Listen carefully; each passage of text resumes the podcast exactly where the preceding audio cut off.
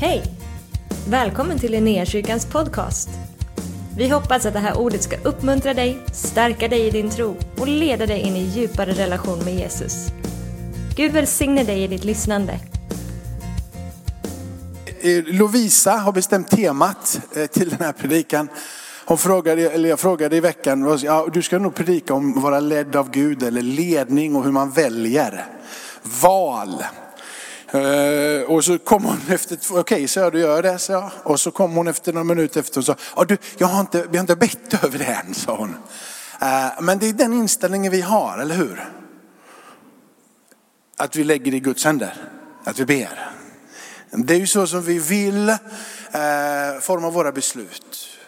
Att vi ber och att vi liksom tänker till lite grann men att vi gör det framför Herren. Eh, så, så, så hon liksom kom direkt tillbaka till det där. Men så tänkte jag att nej, men jag ska inte ens be över det här. Eh, utan jag tänker att jag, jag, jag kör det här ändå. För ganska många beslut i ditt liv får du ta precis på det sättet. Utan att be. Eller du hinner inte att be. Eller du måste ta ett beslut som är relativt snabbt. Så frågan är vad det är för någon kompass du har på insidan då. Som gör att du väljer det som är rätt.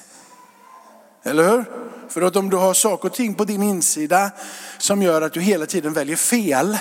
Jag väljer att råna en bank. Eller jag väljer att ljuga. Väl, du väljer en del saker som är lite annorlunda och som faktiskt gör att du kommer få problem längre fram. Så är det ju någonting på insidan som gör att du gör de valen. Eller? Är det bara jag som funderar så nu kanske jag tog ett extremt exempel där liksom. Men någonstans så går ju det tillbaka hela vägen eller? Jag orkar inte med den här relationen. Jag väljer att avsluta den relationen. Jag orkar inte ta tag i det här problemet. Så jag väljer att gå min väg. Eller? Hela tiden så kommer det tillbaka till att du får ett val och det valet är grundat på vad du har i ditt liksom, register. Vad du har på din insida. Hur du har format, inte vad du gjorde igår, men vad du kanske har gjort över tid. Och så står du där och så ska du välja de här besluten. Och jag tänkte så här då inför den här prediken. Psalm 25, vi ska inte börja där, men psalm 25 är för mig en psalm som jag går tillbaka till och bara säger, så här vill jag forma eh, mina, utifrån mina beslut. Jag vill, jag vill ha dem formade utifrån bön och jag vill vara ledd. Det som händer i psalm 25 är en nyckel och en hjälp för mig. Så jag vill slänga ut den för det är inte säkert att jag kommer hela vägen. Eh, och jag, jag, vi har redan bestämt vad vi ska predika om här längre fram så jag kan inte liksom göra del två. Eh, så om jag inte kommer till 25, det kanske jag gör så, så kan du läsa 25 hemma själv. Jag har bygger den här eh, predikan då på, på fem stycken enkla ord. Eller liksom punkter. Den första punkten är nåd.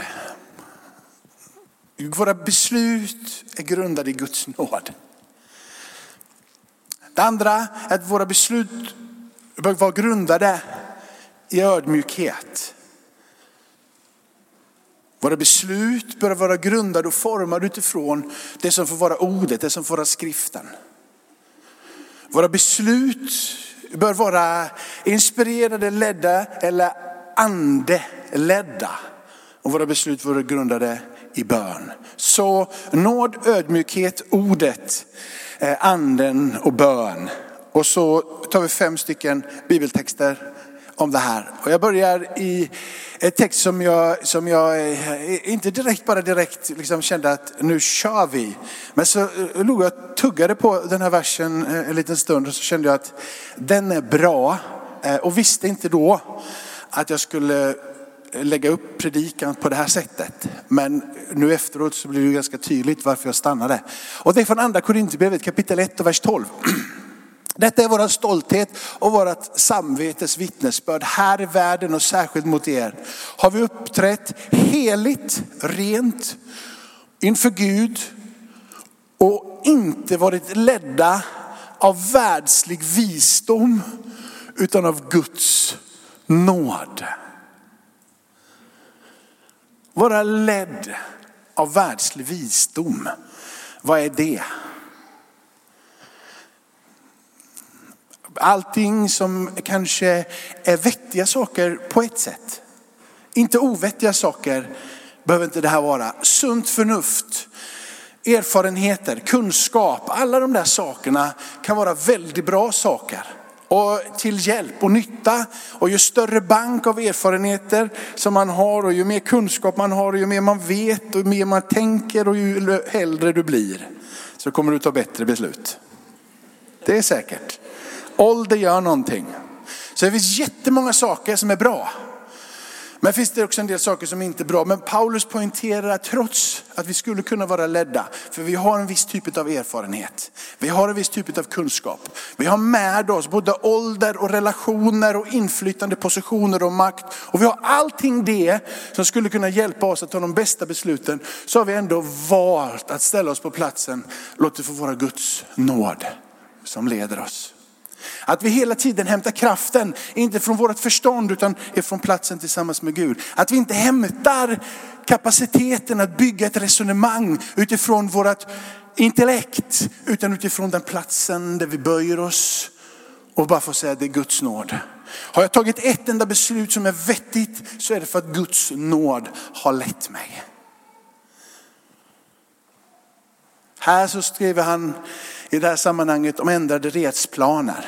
Ett ställe dit, ett ställe inte dit och så upp och ner och fram och tillbaka. Och så bara säger han, vi tror att det är Guds nåd som hjälper oss i detta. Så att vi kommer till rätt plats i rätt tid för att förkunna rätt sak. Jag tror att positionen som du och jag står i först och främst när det kommer till att välja saker och ta beslut måste vara vetskapen om vem du är i Guds ögon och vem Gud i sin sanning är. Alltså den objektiva. Gud kan inte vara någon annan än den han säger att han är. Han är inte den du säger att han är. Han är inte den jag säger att han är. Han är den han är. Och ibland kan vi greppa och förstå och ska vi lära oss mer. Men vi kan inte bara säga så här är Gud. För det är Gud som säger så här är jag. Och så får vi säga det där köper jag. Du bestämmer inte vem Gud är. Han är den han är. Och sen så talar han om det för dig och mig. Han låter sin insikt komma över dig och mig. Han uppenbarar sig för dig och mig och så faller poletten ner och så känner vi det där igen stämmer jag med. Det där tror jag, jag går åt det hållet.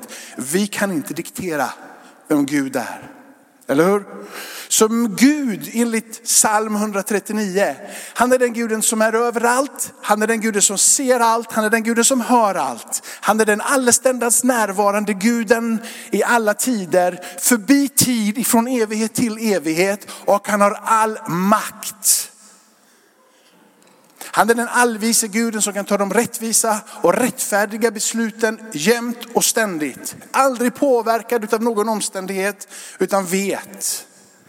Han är den som hjälper oss att urskilja vad som är ont och vad som är gott. Vi kan resonera utifrån kunskap och erfarenheter, men han vet vad som är gott och vad som är ont innan det ens har hänt. Han vill att du ska stå på klippan som är han. Han vill att du ska stå på honom och ha din plats tillsammans med honom. För människan, står det i Ordspråksboken, tänker ut sina egna vägar. Men Herren är den som styr hennes steg. Ska du och jag då sätta oss stilla och så får han ta över?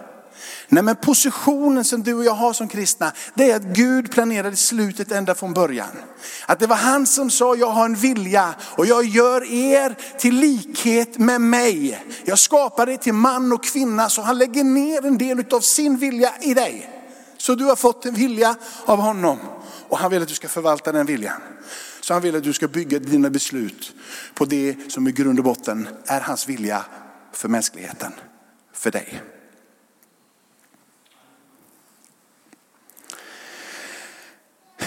Psalm 23 är också en sån där grund att komma tillbaka i som har hela sin botten i Guds väldiga nåd. Känner ni igen psalm 23? Herren är min herde. Han är med. Vandrar i dödsskuggans dal, han där. Han till och med står att han har en ära i att leda dig. Han vill leda dig för sitt namns skull. Så han sätter både sin egen prestige i att leda dig Och han sätter hela sitt förfogande av himmelens resurser för att hjälpa dig på det som ibland kan vara en liten snårig stig och halt att gå. Han vill supporta dig, han vill hjälpa dig. Han vill vara vid din sida, han vill vara den som är alltigenom god och han vill visa det för dig. Där är positionen. Det är därför som vi inte leds av världslig visdom, utan vi leds av Guds nåd. Och den nåden har blivit tillgänglig genom korset och bara genom korsets kraft. Jesu död och uppståndelse. Därifrån strömmar den nåden. Så han har redan sagt det genom saltaren och han har sagt det från liksom början till slutet att han har universum i sin hand och att han älskar dig och att han älskar mig och på så många olika sätt. Och en plats han vill säga är, du kan stå tillsammans med mig och du kan vara trygg med det. Och därifrån, om du låter min nåd få verka i ditt liv, så kommer min vilja att verka i ditt liv. Och du får komma i en position och i, liksom, i, i symbios, eller komma i, i harmoni, eh, komma i akkord med Gud. Egentligen så räcker den positionen, eller hur? Tänk på Men vi kör några till lite snabbt då. Eh, eh, eh, ödmjukhet var det. Ödmjukhet. Jag var tvungen att tänka lite nu. Då. Jag tar från psalm 25 och vi kommer förhoppningsvis tillbaka eller så bara läser vi psalm 25 tillsammans på slutet. Han leder den ödmjuke och han lär den ödmjuke sin väg. Ödmjukhet kontra vad? Stolthet, uppror. Jag vet bäst, jag kan min väg. Jag behöver ingen hjälp. Eh, jag klarar mig själv. Eller är du ödmjuk och bara säger, jag tror att jag behöver lite hjälp. Jag vet inte allting själv. Och jag har, jag har inte ens, jag vet att jag inte har hästarna hemma överhuvudtaget. Jag har inte ens ett stall. Jag har ingenting, jag behöver hjälp. Den där ödmjukheten inför honom, igenkännandet av hans storhet. Och att du inte är så mycket. Men tillsammans med han så händer det grejer. En ödmjukhet, jag vet inte men stoltheten är ju någonting som får oss att falla om och om igen. Stoltheten gör att jag har rätt. Jag ska minsann tala om för dig vem som har rätt i det här. Istället, tänk, tänk när du kommer till platsen då du är så trygg med vem du är så du kan ta av dig masken och säga, jag vet vad som är rätt och vad som är fel. Den andra säger nu är fel, men du ändå böjer dig och bara säger, jag bara låter det bero. För det spelar ingen roll om jag hävdar min rätt framför Benjamin. Benjamin du, Benjamin så här är det, jag vet att du har fel och jag har rätt och lyssna på mig. Så är det någonting som kommer slå sönder i den relationen om jag håller på så. Det kommer bli skitjobbigt. Han kommer bara tycka vilken besserwisser han är. Liksom kommer han där liksom upp ovanifrån igen. Det slutar med att han kommer lite ovanifrån, att han tycker och tänker att han blir lite besserwisser. Så slutar det med att jag blir narcissist i hans ögon. Eller hur? Det, är så det fungerar. Jag är manipulativ i hans ögon då. Så om jag hela tiden hävdar min rätt, jag hela tiden ska strida om min sak. Det finns inte en människa som vill vara jämte mig. Men om vi böjer oss inför varandra och ödmjukar oss och lämnar utrymme för varandra tillsammans med varandra så finns det harmoni, samförstånd i slutändan.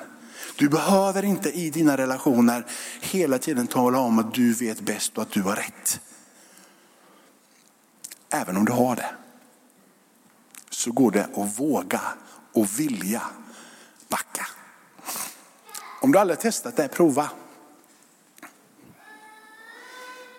Har du aldrig provat det så testa. Det är fantastiskt. Att inte behöva tala om för, ja, Benjamin jag har en diskussion, jag vill bara säga att jag har rätt. Gabbe, jag har rätt, Benjamin har fel. Daniel, Gabbe har fel, jag har rätt. Eh, Marcus, och så bara fortsätter hela tiden så här. Ni vet det blir pissjobbigt. Och sen bara kapitulerar du istället och ger upp. Och bara säger rätt är rätt ändå. För jag är så trygg med vem jag är och vad jag har. Jag vet vad jag är på väg. Jag behöver inte slå mig för röstet, behöver inte övertyga Gabbe. För rätt är rätt och till slutändan så kommer det bli så ändå. Jag väljer ödmjuken och låta han få leda och han få strida. Han som sitter på tronen, han som vet allt. Han som försvarar dig och mig. Inte du och jag som försvarar oss själva. Och så, men nu, nu går du lite väl för långt, för rätt är ju rätt.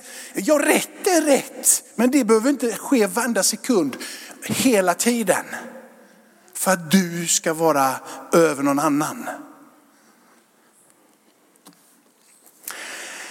Om du vill komma i takt med att ta goda beslut som kommer hjälpa dig och de som är runt omkring så är det inifrån ditt hjärtas formande som de besluten kommer komma ut ur dig. När ditt hjärta är format i likhet med Kristus så kommer du ta beslut som gagnar dig och de som finns runt omkring oss. Du kommer inte fightas för rätt eller fel utan för att vara Kristuslik. Och allt folket viskade. Amen. Tack att ni vågar. Ordet, Bibeln, det är ju egentligen det enda vi behöver då för att forma oss eh, på insidan. Jag tog Saltaren 119 är ju liksom eh, favoriternas favorit. Liksom, Eh, psalm, det är bara att läsa den om och om igen så, så kommer du att förstå att det finns liksom ingen sanning utan det som kommer utifrån Gud och det som han genom sin ande har inspirerat. De som är då författare till Bibeln. Därifrån har du och ditt ord är mina fötters lykta och ett ljus på min stig. Det är också en inställning i det här. Ditt ord är mina fötters lykta. Det grundar sig i någon form av beslut att det som han säger, det han är och det han förmedlar, först och främst då för dig och mig i evangelierna, för det är det som är liksom förvandlingen för dig, det är det som är de glada nyheterna. När evangelierna får vara eh, mitt ljus, det är bara att jag vill, att, jag vill att ditt ord, evangeliet som kom till oss, Jesus, allting det han gjorde, all hans gärning, allting det han sa, allting som fanns runt omkring honom, det vill jag ska leda mig, ska guida mig, ska vara rättesnöre i mitt liv då finns det någonting som Bibeln säger lyser ut därifrån. Och det är förståelse, det är insikt. Det är ett mjukt hjärta. Men inte ett skört och trasigt och lättsårat hjärta. Det är ett hjärta fyllt med ödmjukhet. Ett hjärta fyllt med mod, fyllt med mildhet. Fyllt med saker och ting som hjälper dig att inte brusa upp när du inte behöver brusa upp. För ibland kan det vara bra att brusa upp, men du behöver inte brusa upp. Det är nästan så att du kan välja att brusa upp. Det här är orättvisa, så jag väljer att brusa upp. Inte orättvisa mot Jakob, men orättvisa mot de som finns runt omkring mig. Det är ju ett, jag, är inte, jag är långt ifrån färdig och kommer aldrig bli färdig. Liksom, eh, himmelen blir vi väl alla färdiga. Men en längtan jag har, det är ju att kunna brusa upp när ni, eller de som är runt omkring mig, familj och så vidare, blir orättvist behandlade. Och jag bara sätter ner fot, bara nej. Man gör inte så mot Daniel, man gör inte så mot Emanuel, man gör inte så mot någon som finns i min närhet. Men när de gör det mot mig så andas jag lugnt och stilla är inte så farligt Jakob, det där går över. Det åker över. Jag behöver inte hävda mig rätt. Jag kan bara stanna av, vara ödmjuk i det här. Be till Gud om kraft att förlåta och gå vidare och försoning. Jag väljer att bli och brusa upp när jag ser orättvisa. För att det är rätt och det är riktigt och du får Guds sanktion på det. Men när det gäller dig själv så har du fått rätten att få stanna kvar hos Herren genom hans väldiga nåd. Så vi ödmjukar oss inför honom och vi blir förvandlade utav honom.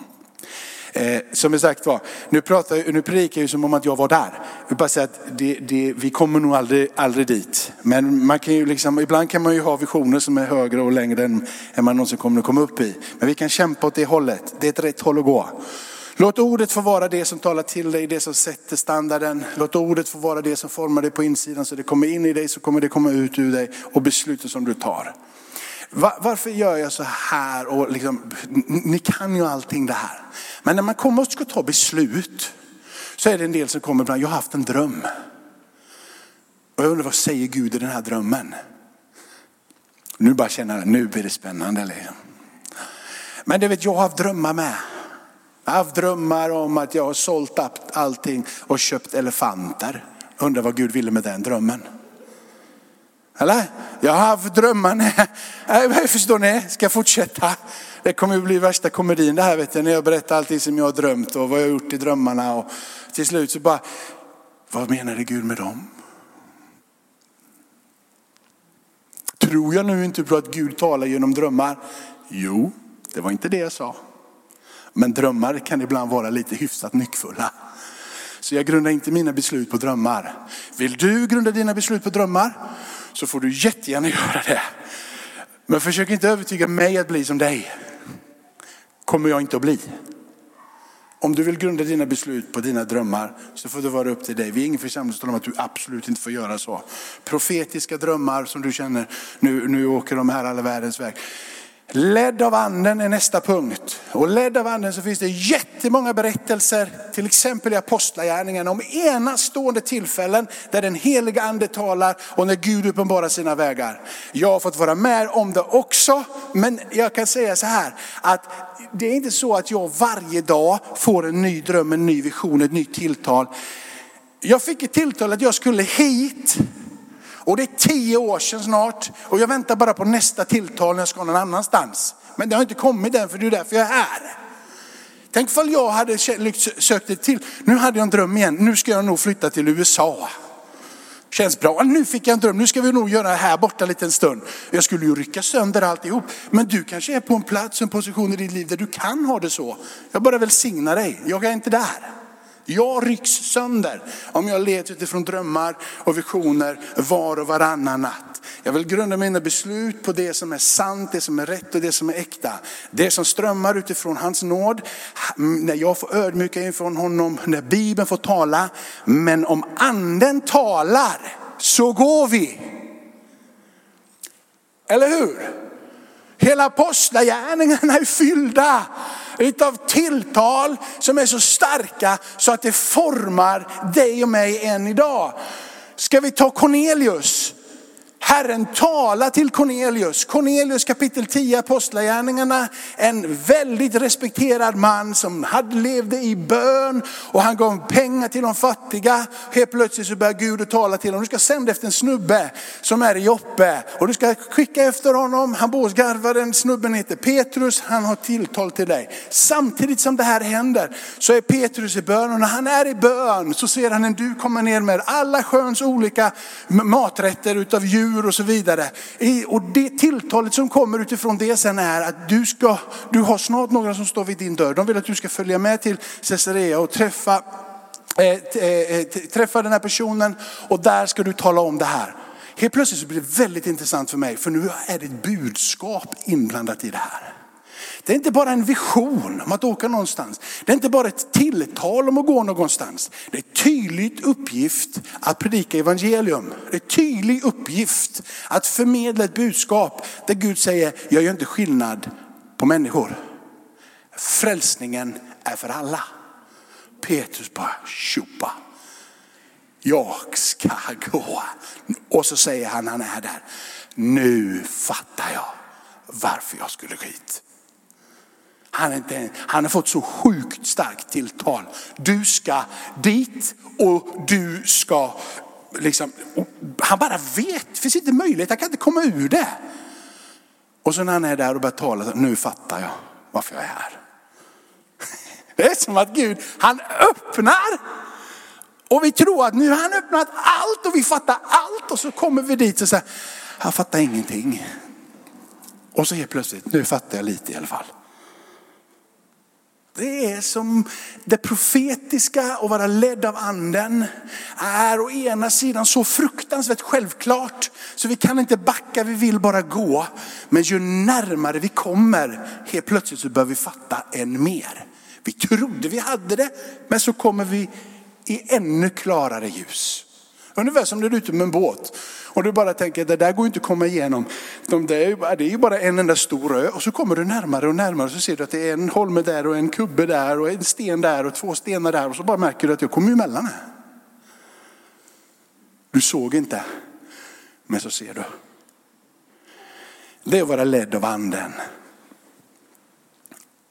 Så många gånger när de får sådana supertydliga tilltal och de förstår inte, men sen så förstår de. Paulus tilltal och viljan och längtan att åka till Rom. Men också tilltal när han blir, säger åk inte dit, det är inte bra för dig. Är det Paulus som är ledd av anden eller är det de andra som är ledda av anden? Vem är det som har tilltalet egentligen? Är det Paulus eller är det de andra? Det är en del som, som hävdar både det ena och det andra här. Men en del sätter sig i positionen så starkt och säger att Paulus kan inte ha fel. Han är ju den store mannen. Så är det teologer som bestämmer vad du och jag ska tycka. När vi på våran insida bara känner att, ja men kom igen, det är inte så enkelt. Jag tror båda har rätt. Evangelium ska predikas i Rom. Men det fanns också tilltal om att bli fängslad. Och Paulus kunde säkert ha kommit vidare utan det där. Men vem vet? Det är som om att det där med tilltal, ledd av anden, är bara självklart efteråt och inte mitt i. Det är som att när du blickar tillbaka så brukar du säga så här, jag har sett hur Herren var med mig. Eller? Är det någon som har sagt att han är en hjälp i nöden, väl beprövad. Vi vet det så väl. Jag visste det inte innan men efter så tittade han var ju med. Han var ju med. Han var med där med, han var med där med. Och så står det här borta och så bara säger, du har varit med mig hela vägen. Ibland såg jag det inte, men ändå så var du med mig. Är det någon som känner igen den här planschen med det två fotspår i en sand och så blir det ett fotspår i en sand? Han bär dig och mig när vi inte orkar gå själva. Mitt i är du efteråt. Du var med mig. Vara ledd av anden och ha tilltal av anden är precis så förnuligt. Den som hävdar med bestämdhet kan du säga ja till, helt okej. Okay. Men tryck inte ner din bestämdhet i mitt hjärta. Låt mig få ventilera det, låt mig få smaka på det, låt mig få känna på det och låt mig få bli övertygad i mitt hjärta så som du är övertygad i ditt hjärta.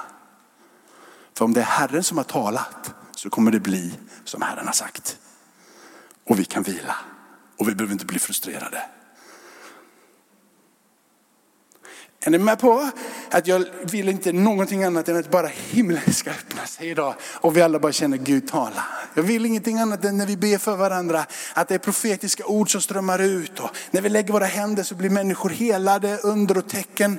Och jag bara längtar efter att vi skulle bara få se att det exploderar för det finns tillsammans med Gud, bara vi är oss tillgängliga. Men låt det få vara Gud som gör det. Och vi är bara öppna liksom, redskap liksom, på det sättet. Vi är mer än redskap, vi är hans barn. Nu går vi vidare, så krånglar jag bara till det här ännu mer.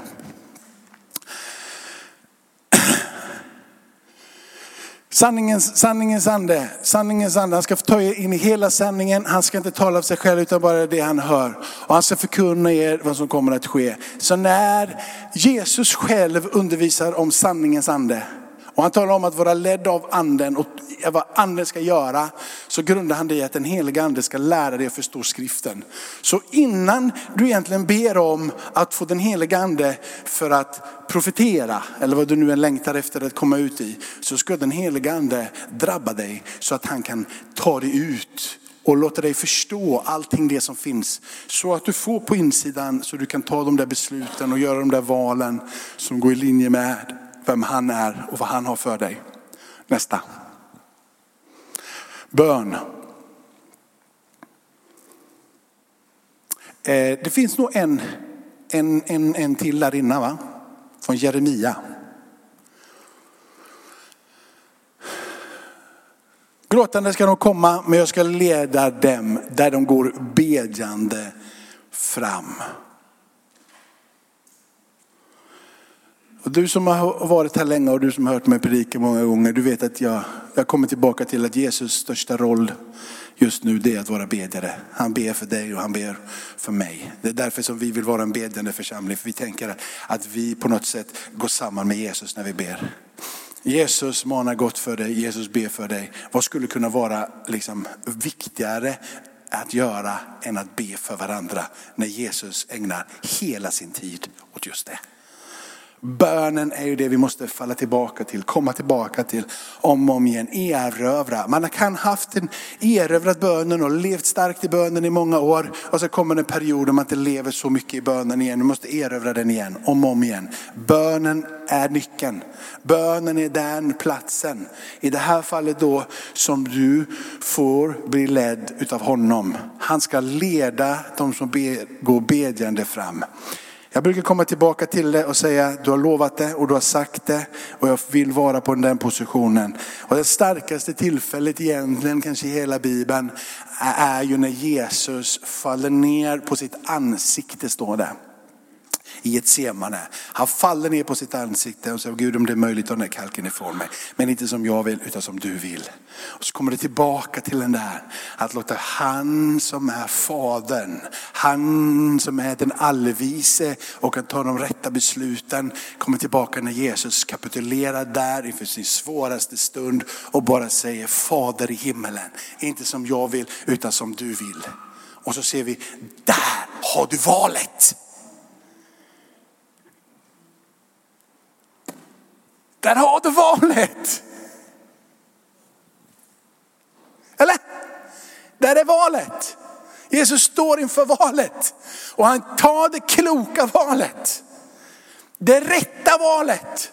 Och det valet, det har du varje dag.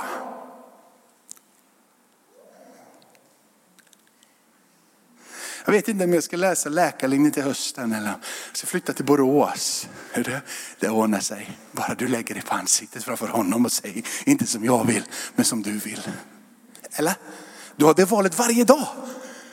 Du behöver inte göra så många fler val. Ska jag verkligen vara kvar på den här platsen och fly dit? Eller vad ska... Du har ett val varje dag och det är det enda valet. Och det är det bästa valet. Alla val leder från den platsen rakt in i det som han vill för dig. Kom igen. Ja, fegt amen alltså. Ah, löjligt amen. Ah, lite skitnödigt amen, men ni kommer nog igång snart. Kom igen, vi tar psalm 25 också och läser igenom den och så slutar vi. Vi vet att det är en lång predikan, men jag gillar psalm 25. Herre, jag lyfter min själ till dig. Min Gud, jag litar på dig. Låt mig inte behöva skämmas. Låt inte mina fiender triumfera över mig. Punkt bara.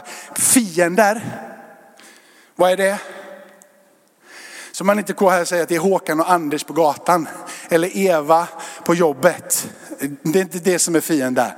Fiender allting som tar dig bort ifrån det som är det absolut viktigaste att förstå. Vem han är. Det kan vara reklam eller så kan det vara fotboll. Eller så kan det vara ditt bedrägliga, onda inre. Det kan vara så litet och så löjligt och så stort så att alla kan igenkänna det. Men allting som får dig i obalans, bort ifrån han som vill att du ska ta det bästa valet. Det är din fiende. Låt mig triumfera. Okej, okay, kör vi. Eh, ingen som hoppas på dig ska skämmas. Eh, skämmas ska den som sviker utan orsak. Herren visa mig dina vägar, lär mig dina stigar. Första gången som den här versen träffade mitt hjärta var jag, alltså, du vet, när jag växte upp så var det väldigt mycket, de kallade det för trosundervisning. Och allting som kommer från Bibeln, Bibeln är ju trosundervisning. Det var de som var, jag vet inte, en del var sura på dem som, som höll på med det och en del var glada att det var några som höll på med det. Någonstans där mittemellan är väl kanske sanningen som den alltid är. Att det är några som är glada och några som är sura och så kan vi förhoppningsvis balansera det där.